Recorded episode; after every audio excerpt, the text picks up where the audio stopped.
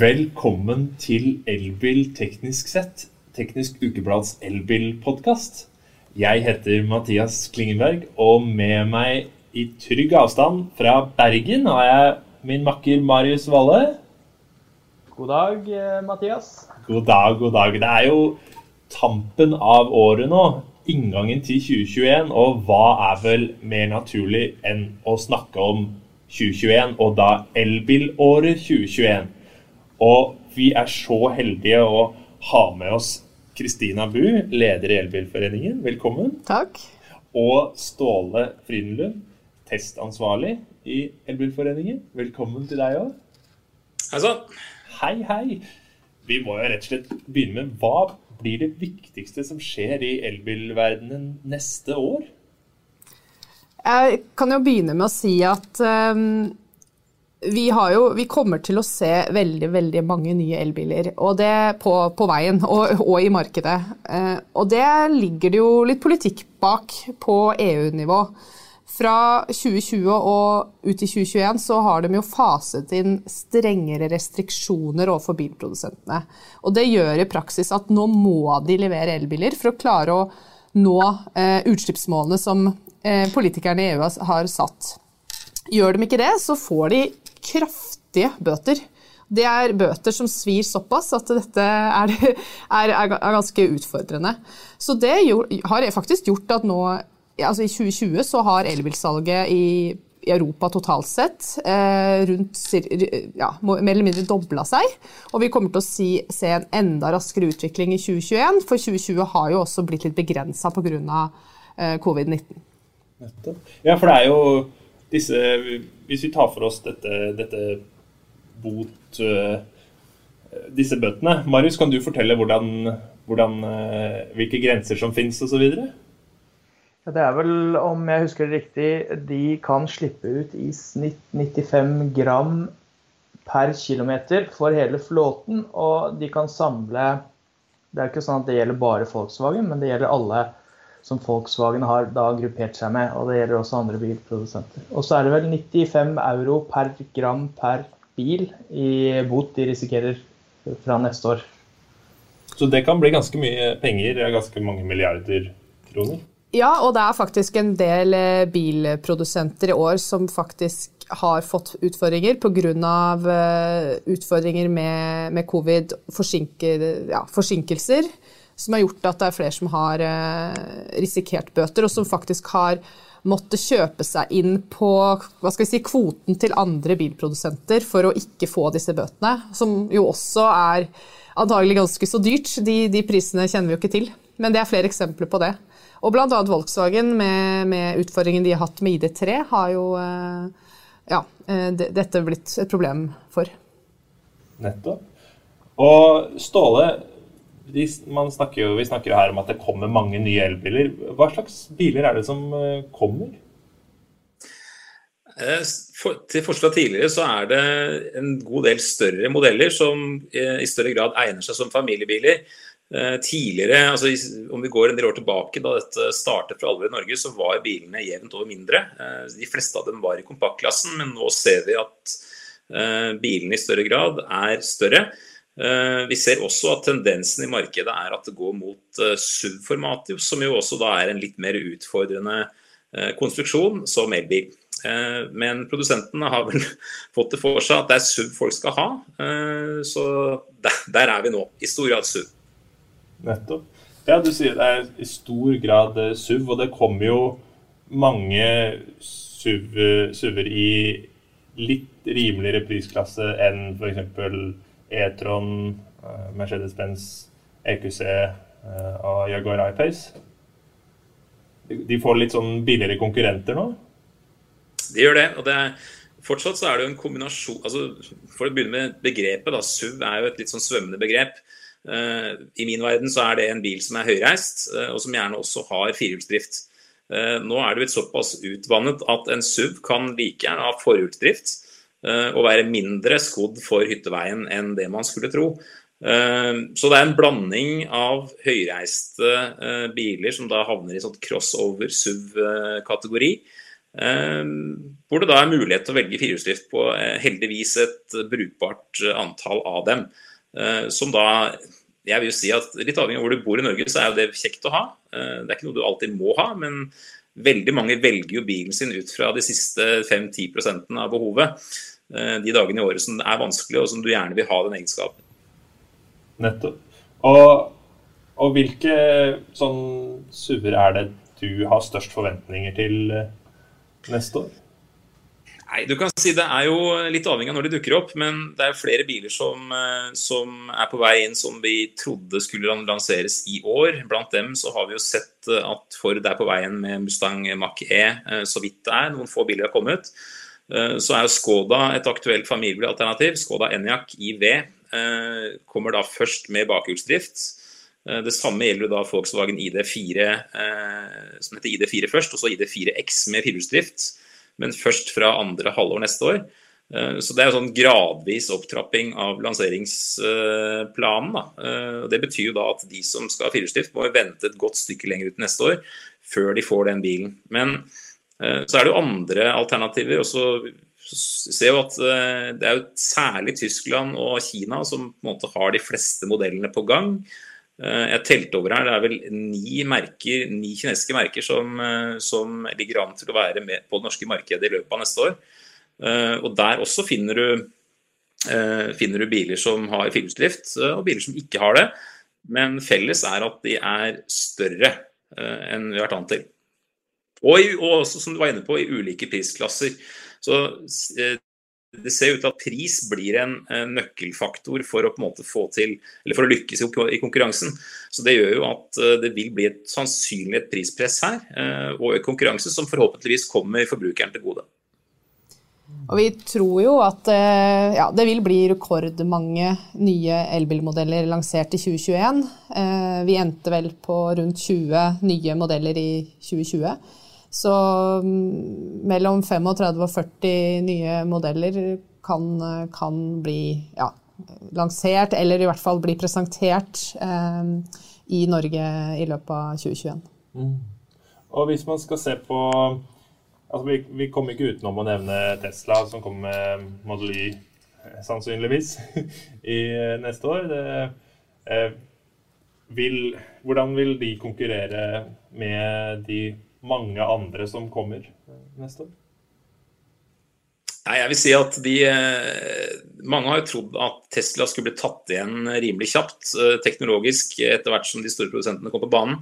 Eh, gjennom min hverdag og alt, alle de bilene jeg har testet altså Jeg har testet godt over 100 ulike elbilmodeller siden jeg startet her i jobben i 2013. Fått med meg det aller meste og sett hva som har skjedd.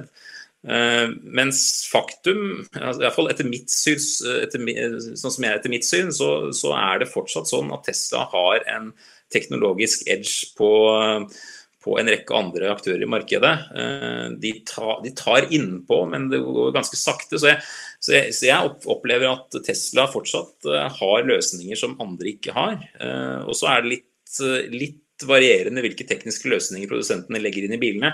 Men det henger jo til en viss grad sammen med prislappen på det. altså du kan si Rimeligere biler vil jo ha eh, mindre sofistikerte løsninger enn dyre.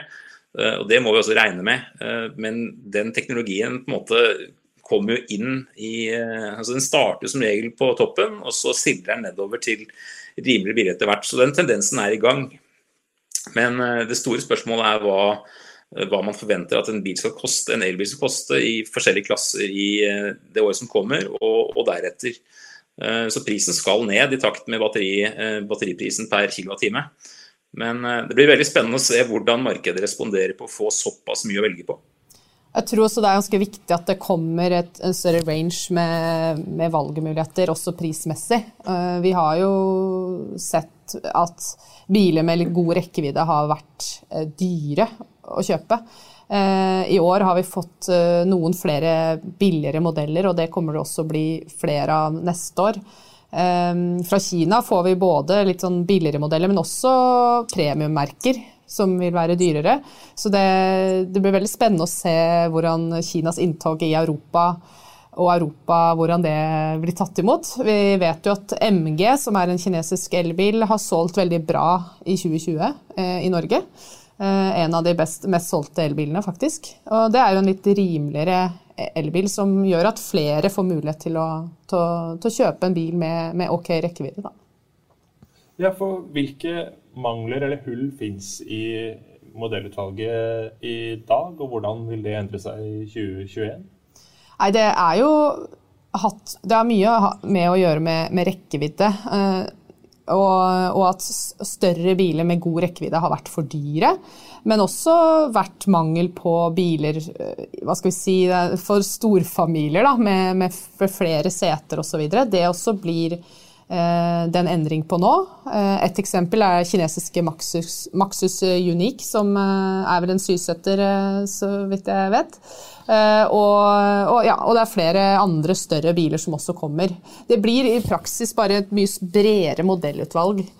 Og eh, i 2021 så kommer det faktisk til å bli sånn som det ligger an nå, i hvert fall, til å bli eh, lansert flere elbilmodeller enn det samla sett kommer til å bli lansert bensin, diesel og plug-in-hybrider.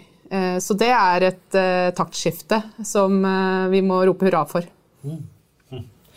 Og hvilken modell blir eh, Norges mest solgte i 2021? Hvem skal svare på det? Et veldig godt spørsmål, men jeg tror vel at den modellen het, den kommer fra enten Tesla eller Volkswagen, tror jeg. Ja. Jeg tror det. Men det, det, er veldig vanskelig. Model Y, eller? Ja, primært. Du kan si eh, Jeg tror Sånn sett så tror jeg at ID3 blir et forstadium til ID4, som er en enda bedre tilpassa bil for det norske markedet. Så er spørsmålet fordelingen mellom ID4 og Eniac. Men eh, den, de to sammen med Modell Y tror jeg kommer til å eh, synes veldig godt i, i statistikken for 2021. Eh, så er spørsmålet når Modell Y faktisk kommer. Og i tillegg når forbrukere faktisk får de firehjulsdrevne utgavene av Skoda og Volkswagen-modellene. Jeg tror også at vi begynner å få en situasjon som er litt annerledes enn det vi har hatt de siste to-tre årene, hvor vi har hatt eksempler på at én en enkelt modell har solgt rekordmye. Eh, vi så det med Tesla Model 3, vi så det med Nissan Leaf. Ja, det er flere eksempler på det, hvor, hvor de på en måte har tatt ja, et vanvittig stor markedsandel. Eh, den tida tror jeg vi nå vi kanskje ikke kommer til å oppleve det i samme grad, og det er fordi at nå er det mer tilgjengelige biler eh, i et bredt utvalg, eh, versus eh, i Norge hvor vi har hatt et, liksom et stor, mye større etterspørsel enn det som egentlig har vært mulig å levere. Og når det, noen endelig kunne levere, så har det vært eh, vanvittig mange, mange, eller stort salg. Da. Oh. Men eh, for å, legge, for å, legge, til, jeg synes det var, var, nesten så jeg glemte det, men når vi går tilbake til altså, Leaf var jo pioneren som storselger på norske markedet. Men nå kommer jo Nissan faktisk med denne Aria-modellen, som også er en SUV. Eh, som så vidt jeg kan se har egenskaper som bør være veldig norgesvennlige.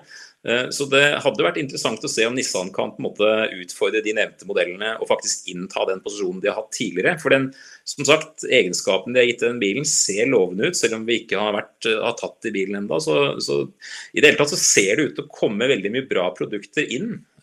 Så mm, så ja, det, det, også bidrar til at valgfriheten eh, øker. Og så gjelder det å finne den bilen som passer dine behov best.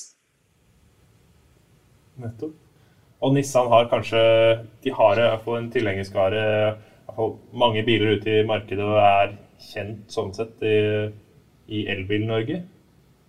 Det er de. Og, og, i tillegg så er det nok mange som tenker at det var på høy tid at de nå kommer med et produkt som som viser tydelig at de har tatt med seg lærdommen til å gjøre det enda bedre enn de til nå har gjort. Eh, så, så hvis, eh, hvis, de tekniske dataene som ligger til, ligger til, grunn for den bilen leverer like bra i praksis, så tror jeg den blir veldig bra. Spennende. Så, så er det også spennende at det kommer mye altså helt nye bilmerker eh, som folk aldri har hørt om før. Og det blir det også en del av i 2021. Eh, mange nyheter og spennende ting som eh, Ja, og jeg tror at for forbrukerne er det bare bra at vi får mye mer å velge i, og, og ulike produkter og ulike, ja, ulike valg, da. Jeg tror dere nordmenn vil kjøpe ukjente bilmerker? Ja, jeg tror det. Eh, det er nok eh, i hvert fall nordmenn er veldig åpne for nytt. Vi var veldig tidlig ute med å kjøpe mye Tesla. Vi, som sagt så har vi kjøpt mye fra MG, el, ja, elbilen MG i år. Og det kommer spennende ting fra både Kina og Korea som er helt nye, ja, ukjente bilmerker for nordmenn flest. Da. Som, og både i premiumsegmentet og, og også som har eh, billigere, ja, billigere prisa biler, som jeg tror det er, det er viktig eh, at vi får, sånn at eh, flere kan, kan ha mulighet til å velge el. Da. Så blir det en test, tenker jeg. Hvis jeg kan, hvis jeg kan legge til, det blir, en, det blir, en, test for de etablerte produsentene om, om hvis, hvis, de nye på en måte gjør dette bra nok. Og så er det i tillegg en faktor for Norge som er viktig, og det er det med tilhengerfeste. Eh, veldig mange som vil ha muligheten til å trekke en, eh, en tilhenger. Eh, og Der ser vi at det kommer en del nye modeller som kan det. og Så er det litt variasjon i hvor mye det er typegodkjent for å trekke. Men det er også noe av grunnen til at vi over tid nå har drevet med testing av hvordan elbiler fungerer med tilhenger også. Ikke minst for å Særlig for å gi gode råd til medlemmene våre og samfunnet, men selvfølgelig også for å gi feedback til produsentene på hva som må til. Nettopp. Og Hvis man legger dette sammen, hvordan blir den helelektriske andelen av nybilsalget i 2021? I år har det vel vært 53, eh, 53 av, av personbilsalget. Hvordan blir det neste år?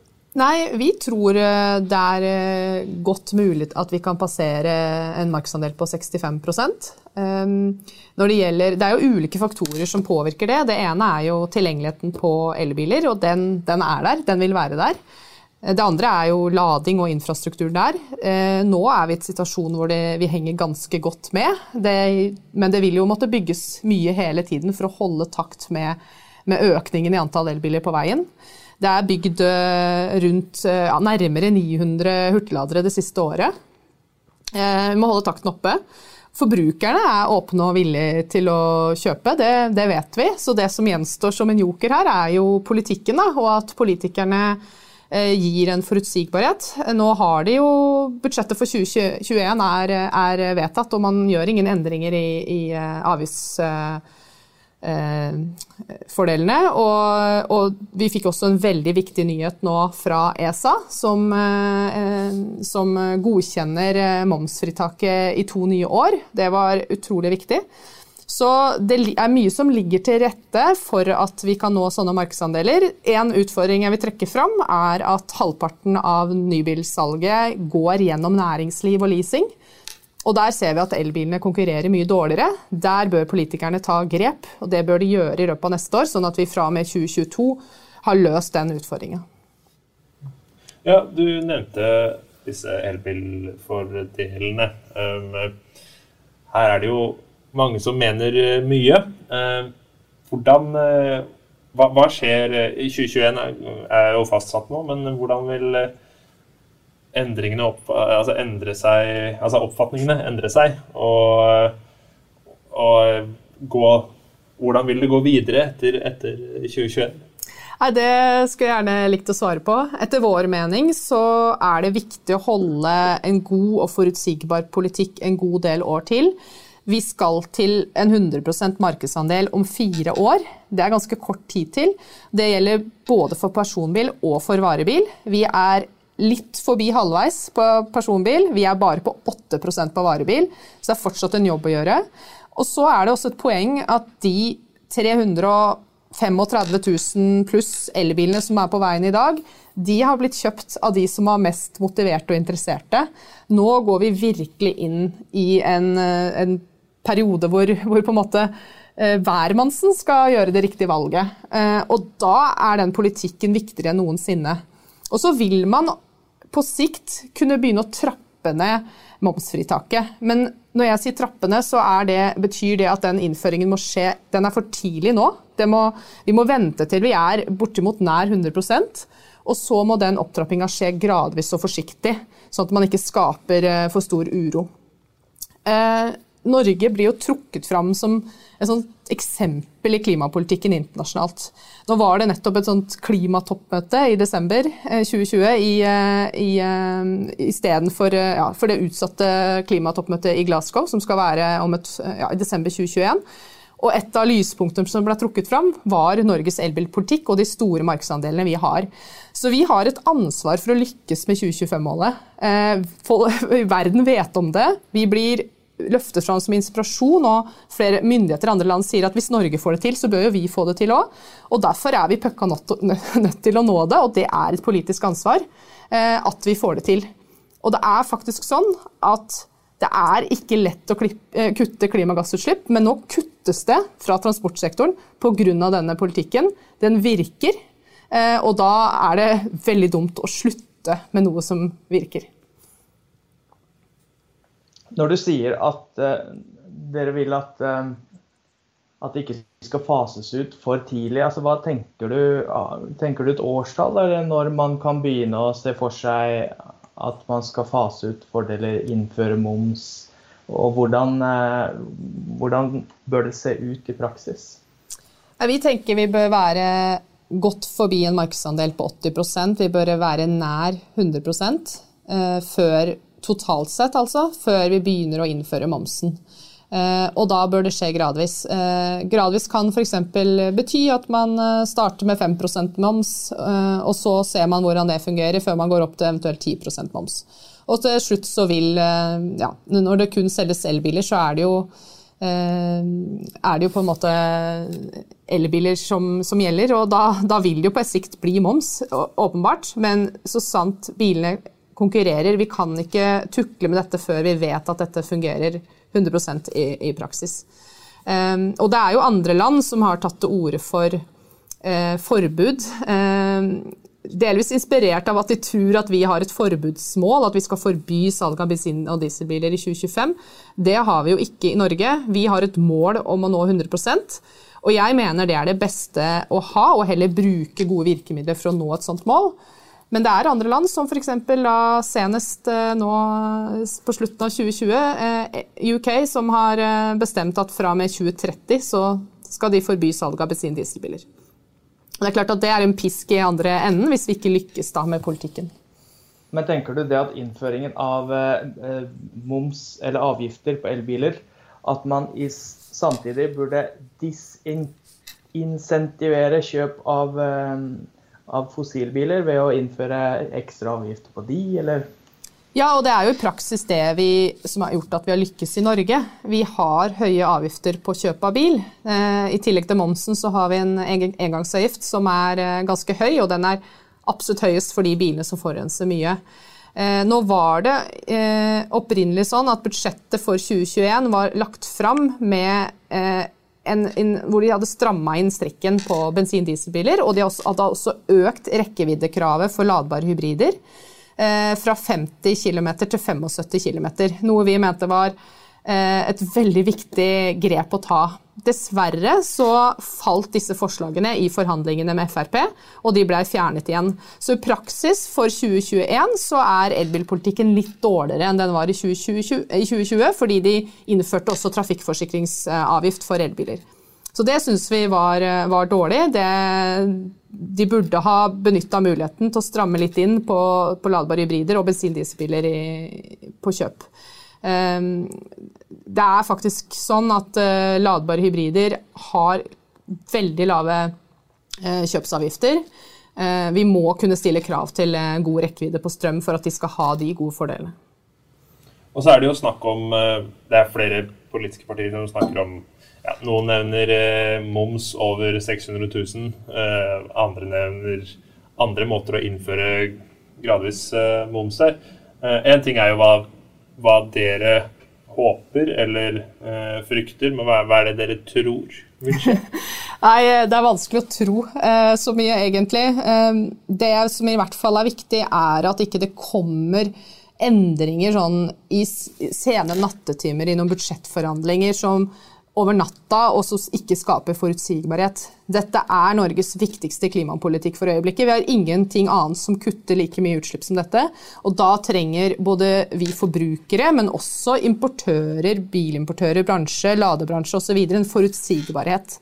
Eh, så det må vi kunne forvente av politikerne, at man legger et langsiktig plan og løp.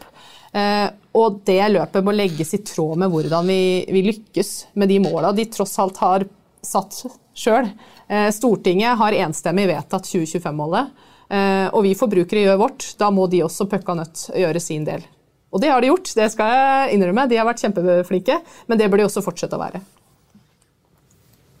En annen ting som du nevnte, er jo hurtiglading. Det er jo et viktig element i, i denne pakka for å nå dette 2025-målet. Og i sommer så opplevde jo en del elbileiere å stå i hurtigladekø. Vil vi oppleve ladekø i neste sommer? Ja, vi gjør nok det. Eh, men eh, det bygges mye nå. Det er eh, bygd nærmere ja, rundt 850 hurtigladere det siste året. Det er, det er bra. Eh, og faktisk nå så er det færre elbiler per hurtiglader nå enn det var for et år siden. Så det har bedra seg i løpet av året. Men samtidig så skal det jo komme veldig mange nye elbiler ut, ut på veien. Og det fordrer eh, en plan. Vi har etterlyst en overordna plan fra norske myndigheter som, som, handler om hvordan vi skal få kapasitet nok, spesielt på hovedveinettet.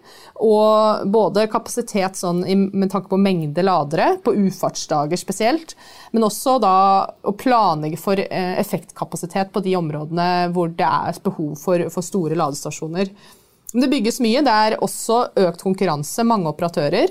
Eh, og vi må nok ha noe hjelp fortsatt. Et av de områdene vi har jobbet mye med de siste to åra, er Finnmark, hvor det inntil nylig ikke var en eneste hurtiglader. Nå kommer de, og det som er, ja, de har begynt å, bygge ut allerede. Og det er utrolig morsomt å se hva slags effekt de har hatt på salget i Finnmark. I oktober så var markedsandelen 37,5 eh, I november eh, samla Troms Finnmark på 40 Så det har gått opp fra ganske lav markedsandel til veldig høyt når folk bare forstår at, ja, og ser at nå kommer laderne. Så hele landet er jo med, eh, men vi må, vi må, nok ha litt hjelp når det gjelder hurtiglading i noen områder. Men stort sett så bygges det ut kommersielt nå.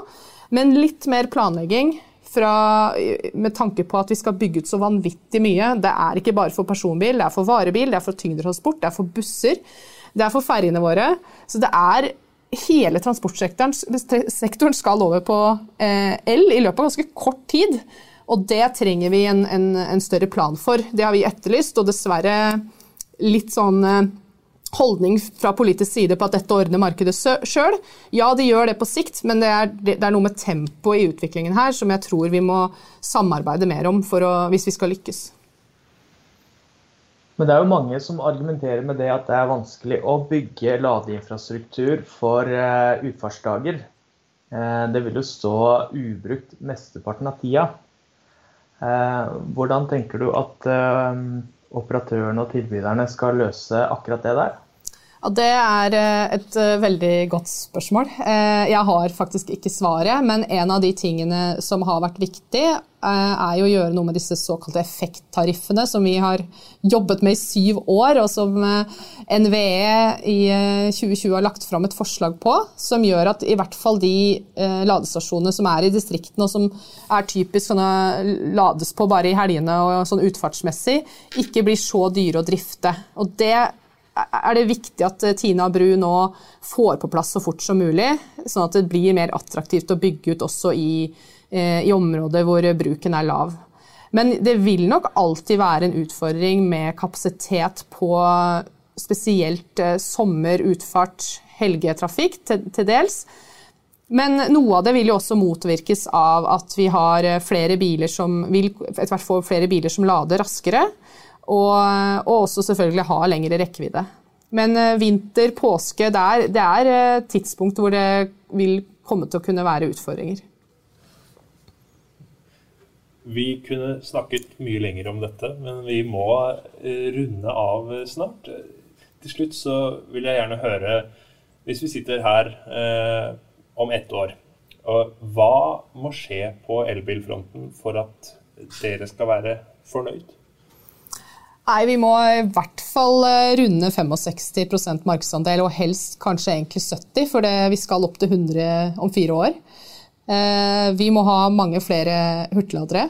Jeg syns også, hvis jeg skal trekke fram eh, noe på vegne av oss forbrukere, så er det klønete og vanskelig når det gjelder betalingsløsninger for lading. Der må det gjøres noe. og vi mener det bør komme på EU-nivå, noe vi jobber litt for. Og så er det ikke minst viktig at politikerne gjør sin del av jobben og legger fram et budsjett for 2022 som, som er elbilvennlig, og hvor de innser at denne politikken er helt essensiell hvis vi skal lykkes med å kutte klimagassutslippene i Norge. Hva med, hva med deg, Ståle? Er det, er det, noen biler som må innfri for at du skal være fornøyd? Altså, det som er, det som er viktig, er at uh, nå etter hvert så vil du kunne velge de bilene, altså velge biler i alle elektriske biler, helelektriske i alle segmenter. Uh, så kan man selvfølgelig ønske seg mer av alt, og det vil vi etter hvert også få. Uh, så jeg noterer at dette som Kristina var inne på, at man kan få en stor flerbruksbil med anstendig rekkevidde.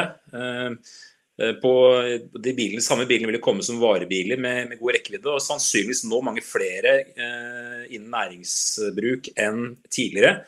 Så mm, jeg tror valgfrihet på forskjellige bilstørrelser, forskjellige biltyper, og ikke minst det også, som jeg har notert meg i seinere tid, at disse bilene blir stadig morsommere og mer engasjerende å kjøre. Altså, du kan si det er elbil med, med vesentlig altså, med like mye kjøreglede som du forventa en litt morsom fossildrevet bil tidligere. Eh, så disse bilene som har de egenskapene, snakker til konsumentene på en helt annen måte. Og særlig de som da også har eh, altså ganske dyp bilinteresse, som jeg alltid har hatt. Eh, og som jeg syns det er veldig gøy å se at produsentene, at produsentene gir elbilene de egenskapene inn i 2021. At det ikke skal være noe nedrykk i forhold til kjøreglede å kjøre en elbil kontra en fossildrevet bil.